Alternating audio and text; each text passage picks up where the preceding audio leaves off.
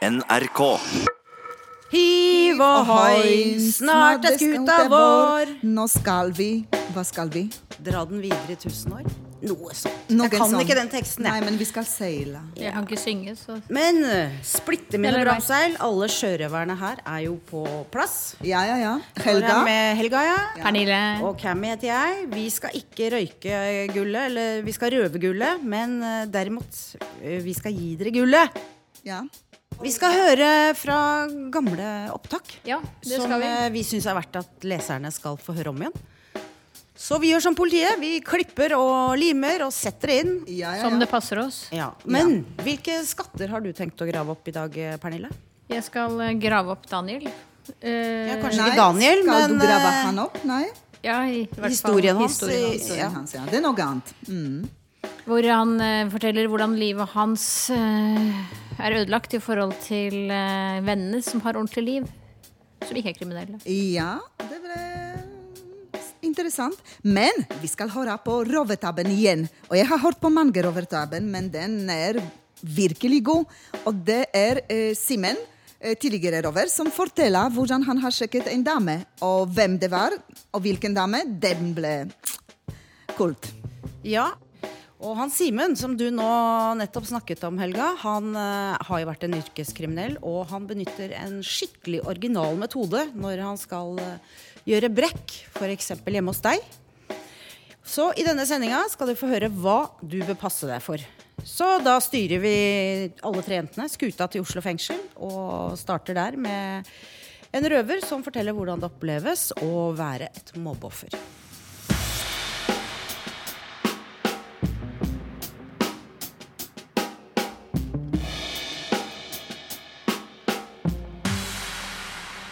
I dag skal vi ha tema mobbing. Eh, Mobbing er et stort problem ute i samfunnet, og det ødelegger veldig mye for de som opplever det. Jeg heter Daniel, og jeg har med meg Bevar dag i studio. Hei, hei. Eh, Bevar, du har jo blitt mobbet i barndommen. Kan du fortelle litt om det? Helt riktig, jeg ble mobba i barndommen, og det var helt jævlig. Det, jeg ødela mye av barndommen min, eller de ødela mye barndommen min, og det var vanskelig. Og skulle gjerne, skulle gjerne vært sterkere der og da. da. Og Men Hva er det du ble mobbet for? Jeg ble mobba for pga. utseendet og pga. klesstilen min, og at jeg kjøpte ting fra HM. da, Eller mutter'n kjøpte ting fra HM, og at jeg ikke gikk og kjøpte klærne mine sjæl.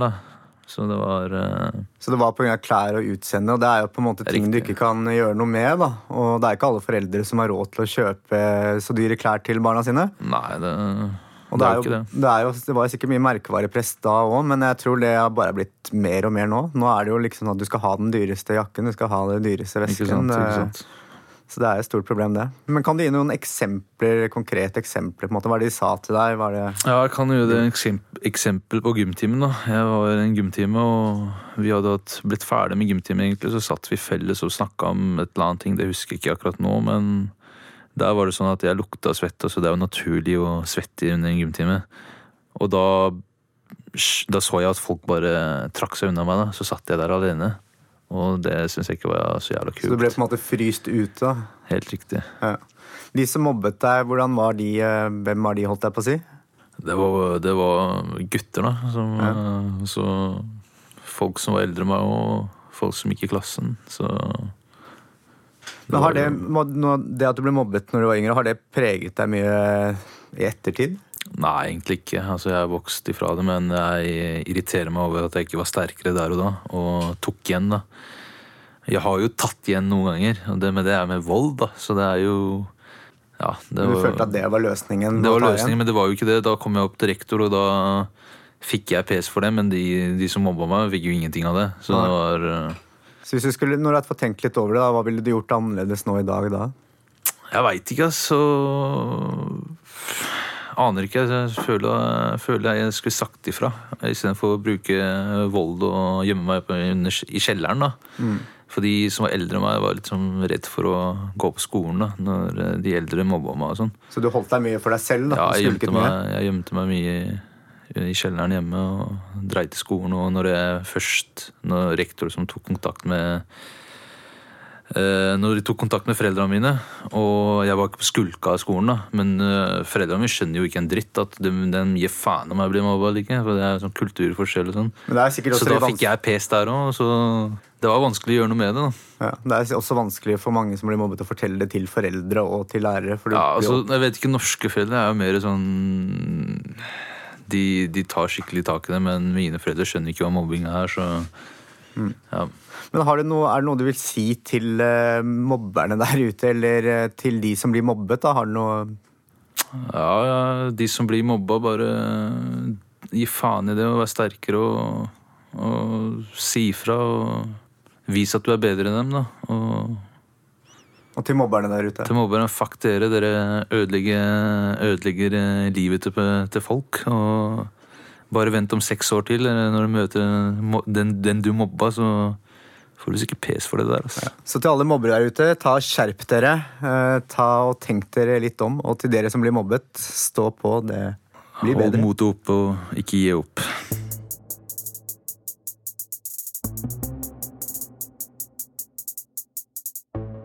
Vi Bredtvet-røvere vil høre hva dere sier, gutter. Og vi vil gjerne bidra med noen eh, synspunkter eh, i denne saken også.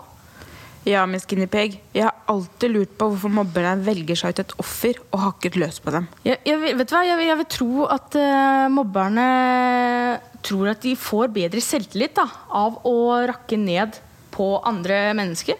Altså For å stille seg selv da, i et bedre lys. Men det, det er jo helt høl i huet. Ja, ja, du har helt rett i det. Men altså, disse mobberne de tenker ikke på konsekvensene. Det ender jo opp med at folk tar sitt eget liv også. Vet du, det, det virker ikke sånn at de faktisk tenker på konsekvensene. fordi at uh, hvis, hvis vi vinkler det litt annerledes, da Hvis du tenker på dagens ung- ungdom, da. Det er jo, har jo dette presset med, med klær og sminke og, og vekt og væremåte osv. Helt enig, med Guinea-pig. Har du noen opplevelser rundt eh, mobbing? Vet du, det, det har jeg. Eh, når jeg var eh, liten, så var jeg den som løp rundt og var hyper. Sånn. Altså, ingen hadde lyst til å være med meg. da. Og når det, var, når det kom til disse bursdagsselskapene og sånn, da, så de eneste gangene jeg blei bedt, det var jo når foreldrene tvang ungene til å, å invitere hele klassen. Nei! Jo, jo. Det det er kjipt. Men, men eh, ha, har du noe, eh, opplevd noe mobbing du, Nora? Ja, jeg har det med Skinny Pig. Da jeg kom til Bredtvet, så var det en jente her som ikke likte den jeg var, eller hva jeg sto for. Og mobbingen handlet veldig mye om kultur og integrering i Norge. Og det er ikke alle mennesker som klarer å forholde seg til det i det hele tatt. Og det likte hun ikke i det hele tatt. Så jeg fikk satt henne på plass da til slutt. Da jeg sa bare fuck off, liksom. Og det har lært meg å stå sterkere på egne bein og være sterkere enn noen gang. Og selvfølelsen min er på topp, ass. Ja, det er, det er nesten hallelujabjeller inni, inni meg. Jeg blir skikkelig glad når du forteller at uh, du står sterkere. Fordi at jeg har jo vært en mobber. Nei. Jeg har blitt mobba, og jeg har tatt meg av mobbeofrene. Og, og der jeg vokste mest, da, det var jo når jeg tok meg av disse mobbeofrene. For fordi at, altså, det er veldig mange som ser på mobbing som skam. Og der har jeg et råd til dere. Jo mer dritt du får, jo sterkere skal du stå. Fordi at eh, mobbinga handler stort sett om misunnelse. Du er eller har noe de ikke har. Bra sagt, ass. Innsatte i norske fengsler lager radio. Du hører Røverradioen i NRK P2. Ja, vi ønsker å rette en takk til eh, Nora og Miss Guinea-Pig og Daniel. Nei, unnskyld, han heter jo ikke det. Han heter Bevar. Å, ja. på jordet her. Som eh, luftet uh, tankene sine rundt uh, det å være et uh, mobbeoffer, og som har, har følt det på kroppen selv. Veldig tøft. Det er det. Og vi kan jo også gå over til noe som er litt hyggeligere og mer morsomt. Ja, og vi skal eh, på rovertog videre, og vi skal til rovertabbe. Eh, som vi skal høre igjen. Eh, vi har hørt mange rovertabber, men den, eh, den er bra. Og eh, nå skal faktisk tidligere rover, eh, Simen, sjekke en kvinne.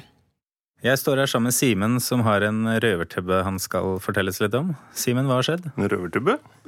Røvertabbe? Ja, tabbe, tubbe, et eller annet. Kom igjen.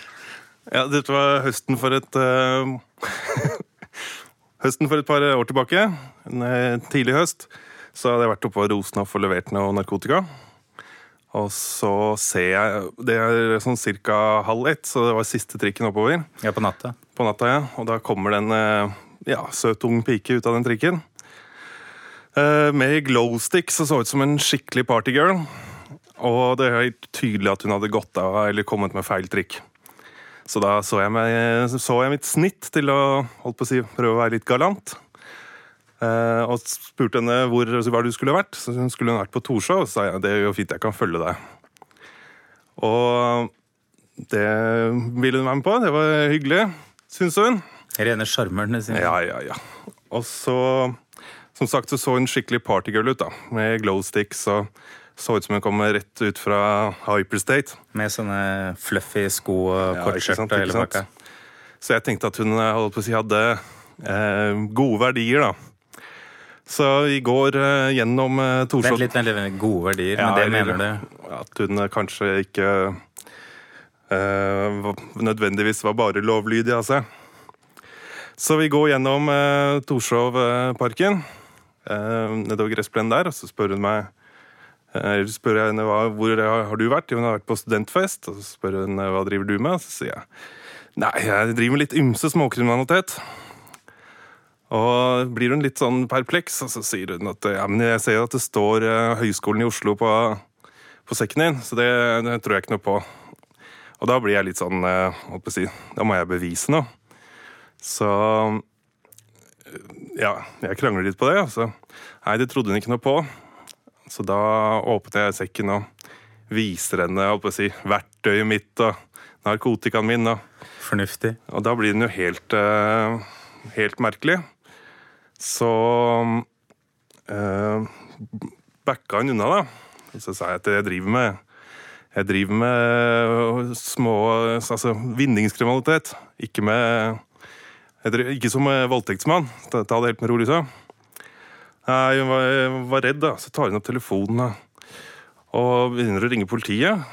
Så lurer jeg på, spør jeg henne hva slags skole er det du egentlig går på.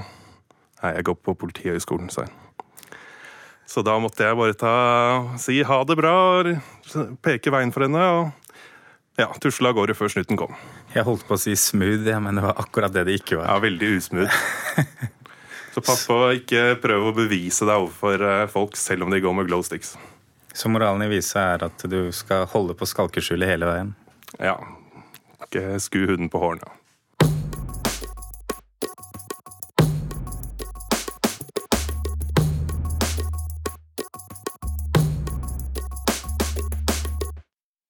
Ja, sånn kan det Det gå kan. når man plukker seg feil dame. Nei, herregud. Ja, nettopp. Men vi skal eh, til noe som er eh, litt hyggelig, og som kan gjøre soningen bedre. Det skal uh, Jon Rikard og Daniel uh, snakke om. Nemlig- Kjæledyr. Ja. Katt, hund og hest og Mjau. Jeg har med Daniel her i dag, som er veldig glad i dyr. Og du synes at de som sitter inne, skal ha mer kontakt med dyr. Det har du helt rett i, Jon Rikard. Eh, alle oss som sitter inne, vet jo hvor ensom man kan bli, og hvor tunge dagene kan føles. Og mangel på nærhet, omsorg og fysisk kontakt er noe av det man savner mest. Og der, tror jeg, der vet jeg at dyr kan hjelpe og være med å bidra. Ja.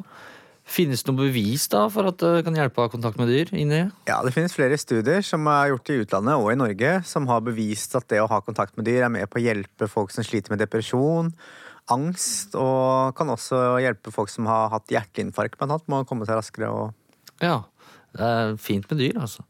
Er det noen fengsler i Norge som har kontakt med dyra? Noen andre fengsler enn oss? Ja, i Norge, så Når vi snakker om kjæledyr, så er det i Norge så vidt meg bekjent, kun ett fengsel som benytter seg av det som en del av rehabiliteringen. Og Det er Kroksrud fengsel. Der de innsatte som er med i hundeprosjektet, får utdelt en hund som de får ansvar for å trene, fòre og passe på. Og det her er eksempel hunder som skal ut i tjeneste senere for f.eks. For Forsvaret. Mm. Veit du om noen andre land da som bruker dyr til rehabilitering enn Norge? Det, I mange andre land så bruker dem, eh, er bruken av kjæledyr under soning mer utbredt. eh, Og det, det jeg ser, er at resultatene er utelukkende positive. De innsatte får mestringsfølelse og føler seg ofte mindre ensomme. Og i tillegg så får de da muligheten til å ta ansvar for noen andre enn seg selv, da, som har også vært med på å bidra positivt. Det er ingen tvil om at det er et bra forslag, i hvert fall. Men uh, har du noen forslag på hvordan man kan gjøre det bedre?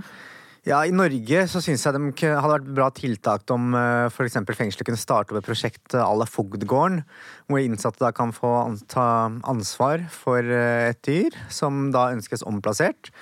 Eh, Fogdgården har begrenset kapasitet, og de klarer ikke å dekke den etterspørselen. Så jeg tror det er mange som soner som kunne tenke seg en sånn jobb, hvor de tar vare på dyr som ikke lenger er ønsket. For det er mange innsatte som også kan føle seg litt utstøtt og uønsket av samfunnet. Så på den måten her så kan man kanskje hjelpe hverandre litt. Ja. Ja, det er et jævlig stort behov for å ha tatt vare på et dyr. Det hadde vært fint. Så hvis noen i kriminalomsorgen hører på, vi vil ha dyr i fengsler. Yay.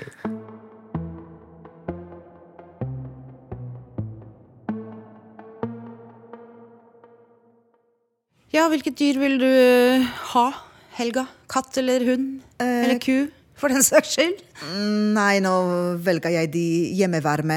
Eh, hund og katt. Kattene de er så koselige. Mm. Ja. Men nå skal vi ha med noe som vi av og til har med i Røverradioen, og det er tips fra røverne. Hvordan du skal eh, forebygge f.eks. et innbrudd hjemme hos deg selv. Og vi skal høre igjen eh, Simen og hans råd eh, hvordan han som tidligere kriminelle gjorde brekk i hjemmene. Og de tipsene er ganske viktige for å eh, forsikre seg at man ble ikke utsatt for det. Så spiss ørene og følg med. Vi skal nå få noen tips og råd av Simen, som pleier å jobbe på dagtid istedenfor på natterstid som andre kriminelle. Ja, det hender jo man har fått tak i noen nøkler eller fått sette seg ut en eh, dør som eh, ikke nødvendigvis er så vanskelig å få åpna. Eh, og på dagtid er jo stort sett folk på jobb, så da er det best å gå da. Eh, men eh, man må jo forsikre seg om at folk ikke er hjemme. Og da er det best å ikke stå og banke på uten å ha et, en unnskyldning for hvorfor man er der. Det er sant. Så da pleier jeg å ta meg en tur ned på, i Bogstadveien på hovedkontoret til Jehovas vitner. Og si at jeg er en borgerlig konfirmasjonsleder og trenger noe studiemateriell til eh, elevene mine. Grovt. For de må jo opplyses om alle verdens religioner. Det er viktig. Så da får jeg en bunke med vakttårnet, altså bladet deres. Og så står jeg med det i hånda utenfor når jeg banker på enten med de anskaffende nøklene i hånda eller i lomma, eller eh, Et brekkjern eller to. et brekkjern eller lignende i, i sekken. Så da, altså, hvis folk er hjemme, og det står en fra Jehovas vitner der, så er det veldig liten sjanse for at uh, de har lyst til å snakke med vedkommende. Nei, det skjønner jeg. Så da Ja, nå har jeg heldigvis kun opplevd én gang at uh, det har vært noen hjemme. Og de ville jo ikke snakke med Jehovas vitner. Så det Du lukka døra fort? eller? De uh, så registrerte hvem det var, og smalt igjen døra. Smooth. Ikke sant? Ikke sant? Vokt dere for vakttårnet. Innsatte i norske fengsler lager radio. Du hører Røverradioen i NRK P2. Ja, du eh, åpner du døra når, når det ringer på, Helga? Og du vet uh... Jeg kan ikke åpne døren nå, de åpner for meg nå akkurat her. Men på utsiden, uh, nei, uh, det vil jeg. Men takk for tipsen, den var god. Ja, steng døra. Ja. Sånn som her. Nå skal vi over til Bento, Patrick og Daniel. De åpner seg om, eh, rundt om tankene sine eh, vedrørende skam eh, og det å sitte i fengsel. Ja, og det er interessant, og man setter pris at de utleverer sine følelser om det. Mange innsatte sliter med skyld- og skamfølelse. Jeg heter Daniel, og jeg er med meg Bent. Og Patrick. Vi skammer oss over all den tiden vi har kastet bort på et liv fylt med kriminalitet og rus, mens vi ser venner som har gått motsatt vei, skaffet seg utdannelse, hus, bil og lignende. Det er også mange som har barn som de kanskje ikke har kontakt med eller ikke får stilt opp for siden de sitter i fengsel. Dette er ting som gjør soningen tyngre og gir oss tankekjør. Ja, På utsida i det frie liv så er det lett å ruse seg vekk fra, fra den harde virkeligheten. Det er sant. Eh, Men når man først eh, havner i fengsel, så har man jo veldig god tid til å reflektere over eh, følelser. Ja. Eh, For eksempel ja, skamfølelsen. Eh, Patrick, du har kjent på denne følelsen. Hvordan takler du dette? Jo, denne gangen, som nå når jeg sitter inne, så har jeg ikke kontakt med barna mine. Eh, det er en enkel grunn til det. Fordi at tidligere soninger så har jeg hatt kontakt med dem og eh, lovt dem alt mulig rart. Når jeg kommer ut, så skal pappa bli frisk og ting skal bli bra igjen. Og det har jo ikke skjedd, så det har jo blitt masse falske forhåpninger og løfter overalt. Og ja, det har gjort min del tyngre, iallfall. Så denne gangen så ja, har jeg valgt å gjøre det når jeg kommer ut. Og når brikkene er falt på plass, så skal, så skal sønnen min få bli en del av livet mitt igjen. Når jeg sjøl er klar for det. Selv så har jeg en sønn på 19 år, eh, og det er mye tøffere, syns jeg, å ha barn i voksen alder når man sitter inne. Eh, Og nå er det fjerde gang jeg sitter. Eh, Det er jævlig kjipt, egentlig. Det Skammer seg og, og Det blir fort et kleint tema å, å prate om. Ja. Det er tungt, Det blir for dumt å si at man angrer, men uh, ja, det er jævlig tøft å snakke om. Jeg har jo ikke barn, men uh, for min del så føler jeg mye skam over at jeg sitter i fengsel og er 32 år gammel og jeg har aldri på en måte tatt ansvar for livet mitt. Det er mye lettere å bare fraskrive seg ansvaret, leve en dag om gangen uten å tenke så mye på fremtiden. Da.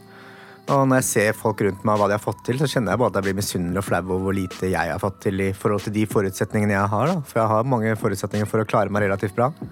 Så kjenner jeg mye skam overfor familien min som jeg føler jeg har svikta på mange måter. Og så tror jeg det er viktig å anerkjenne skammen og forholde seg til den. For det er veldig lett å skylde på utenforliggende årsaker som f.eks. barndom og oppvekst uten å ta inn over seg hvor problemet egentlig ligger. Helt sånn. Så jeg vet ikke om dere har noen gode råd eller tips sånn helt på slutten? Jo, um, jeg vil si at eh, ja, ikke ta og plage dere sjøl over fortida deres. Ta og Se framover for dere slipper ut. Og vent til brikkene deres faller på plass og ordner livet deres. Kanskje være åpen og ærlig om hvordan, situa hvordan situasjonen er at man sitter i fengsel. Og for unger er ikke så dumme som man tror. De forstår det meste.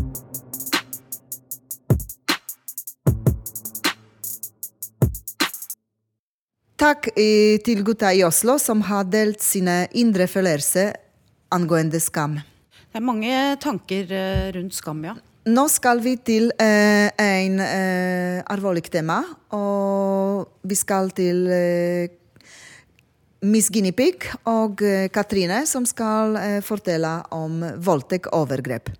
Nå som eh, skam er eh, et emne, så ønsker vi å ta opp et tema, nemlig voldtekt. Overfallsvoldtekt.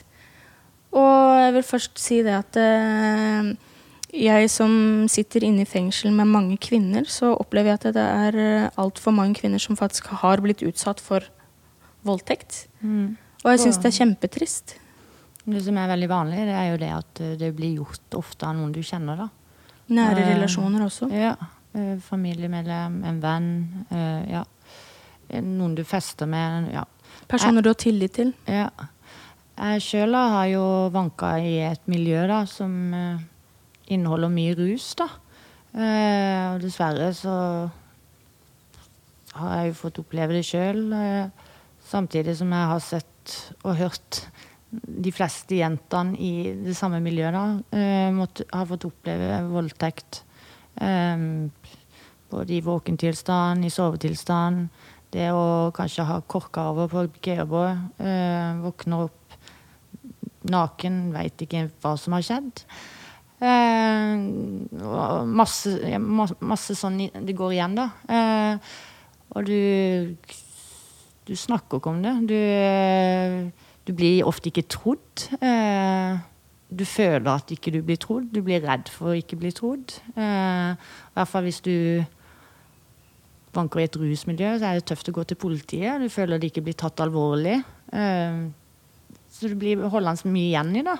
Og føler at det er din feil. Unnskylder det veldig. Du føler at du har satt deg sjøl opp i situasjoner du ikke som var feile, da, som du burde ha sett og forstått. Eh, som gjør det vanskelig å føle at man ikke har skyld i det sjøl. Eh, det som er, er jo at når du blir utsatt for noe, eh, voldtekt, hvor du ikke har samtykket, da har du ikke samtykket, sagt nei om du var våken eller om du sov eller hva det er. Er da er det noen som har gjort noe mot deg. mot din vilje, og da er det ikke din feil. Du skal ikke trenge å føle skam. Den som gjorde det mot deg, det er den som skal føle skam. Absolutt. Hvis, du er, eh, hvis det er to stykker som er enige om den seksuelle akten, så er det greit. Hvis den ene parten ikke er enig i dette her, så er det voldtekt. Hvis det blir gjennomført. Og det er ikke riktig at man da skal sitte igjen og være den som føler skam, skyld. Eh, mens den som kanskje har gjort det, bare går gledelig gjennom livet og ikke tenker noe mer på det. Eh, jeg, jeg heier for at vi skal heve stemmen vår, snakke om det og bli fri fra skyld og skam og det man absolutt ikke skal sitte igjen og føle. Hvis du ikke snakker om det, så vil du bli psykisk syk. Du vil aldri kunne komme deg igjennom den traumatiske opplevelsen som du har opplevd selv. Og det er, det er kjempeviktig å snakke om, men det er også derfor vi to tar opp dette temaet i dag. Og ikke glem det at det, det fins støtteapparater der ute. Det fins hjelp som stoler på deg. Du har Oslo krisesenter annet, som både menn og kvinner kan dra til Mm. og få hjelp, og de blir trodd. Der blir de ivaretatt godt. Veldig godt. Og jeg syns det er også viktig å få frem det at uh, du er ikke aleine. Og dette er ikke din skyld. Og du har alltid mennesker som vil være der og støtte deg.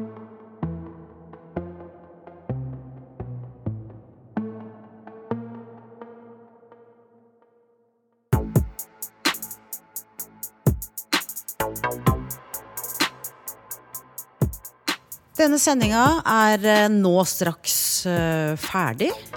Og vi har fått høre om eh, overgrep og voldtekt. Triste greier. Og her på Bredtvet så sitter det faktisk eh, ganske mange som har opplevd eh, dette her. Men heldigvis har vi ikke bare hatt tragiske historier i dag. Vi har jo også hørt fra Simen. Ja, vi har hatt det litt morsomt. Ja, ja, ja. Det har vi absolutt. Men vi er eh, ved veis ende.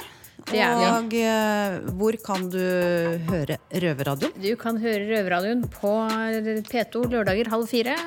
Og reprise søndager halv ni på kvelden. Og på podkast når du vil, og hvor du Hvor vil. som vil. Nei, Da hvor som helst. Ja. Hvor som Hvor som helst. helst. Damer, da stikker vi tilbake til eh, cella vår, gjør vi ikke det? Det gjør vi. Ja. Da sier vi bare ha det, vi. Ha det. ja, ha det. Ha det.